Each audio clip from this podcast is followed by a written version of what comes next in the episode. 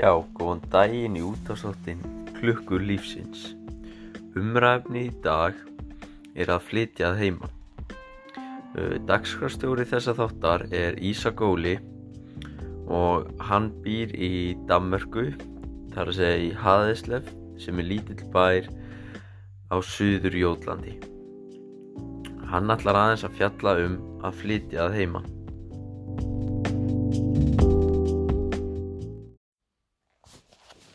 þegar ég flutti að heiman þá fann ég fyrir ákveðnum erfilegum.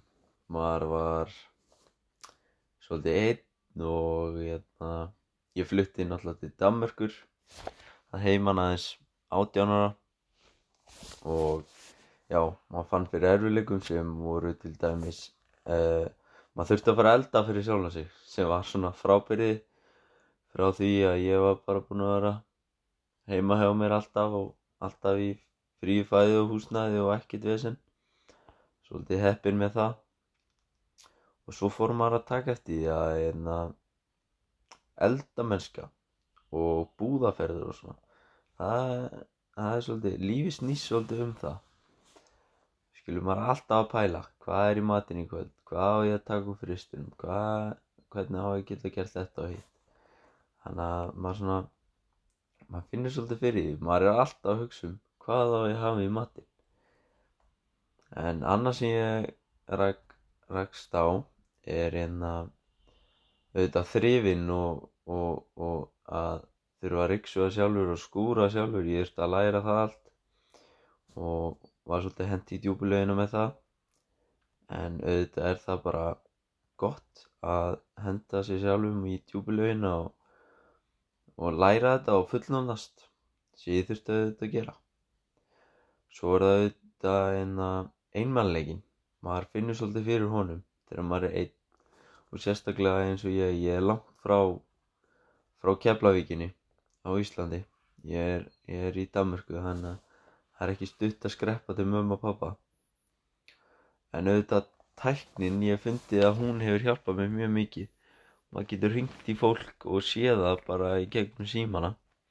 Og ég gerir það mikið og einna það er gott að tækni sér komið svo langt þannig að maður geti ringt í fólkdra sína og sískinni svo tók ég eftir einu öðru þegar ég fluttaði heimann að, að kostnæðarinn er alltaf gífurlegur út af maður þarf alltaf að vera að kaupa sér í matinn og það kostar að lifa bara sem maður gerði sér ekki alveg grein fyrir þegar maður bjó heima.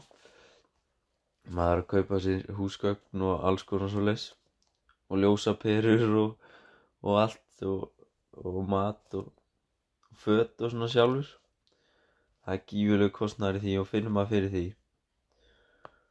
Og svo er það þóttavælin ég kunni ekkert á þóttavæl þegar ég fluttið heimann þannig ég þurfti svolítið að fara á YouTube og Google og finna út hvað mætti hafa á þessum hitta og hvað er bómullavél og, og svo framvis þannig að maður þurfti að læra þetta og ég held að bara maður dregur svo mikið lærdóm frá því að, að flytja að heimann svona ungur að hérna, maður fullur það svo rætt maður þarf að sjá um sjálf sig og það gera engin annar fyrir mann. Þannig að maður bara maður þarf að gera hlutina.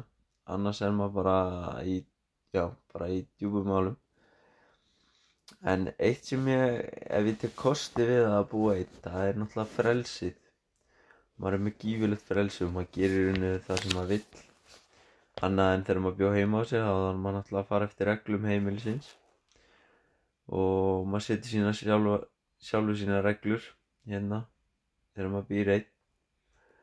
Og það er bara svolítið það er mjög fínt sko að búa einn og, og, og, og ræða húsgögnum sjálfur og hafa þetta svolítið svona á sinn veg og svo eignast maður sína eigin vinu og getur búið þeim í mat. Maður er svolítið það er svolítið gaman að verða fullorði en aftur á móti líka erfitt. En já það er allavega það sem ég tók eftir þegar ég fluttaði heimann að þetta eru gífilegir erfileikar en samt sem áður rosalega gott að fullorðnast. Já þátturum verður ekki lengir í dag og ég bara þakka fyrir mig